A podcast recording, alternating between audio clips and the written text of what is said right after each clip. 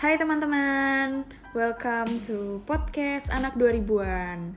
Jadi podcast ini bakalan ngomongin tentang kehidupan dan dilema-dilema yang dihadapi oleh anak 2000-an yang lahir tahun 2000-an.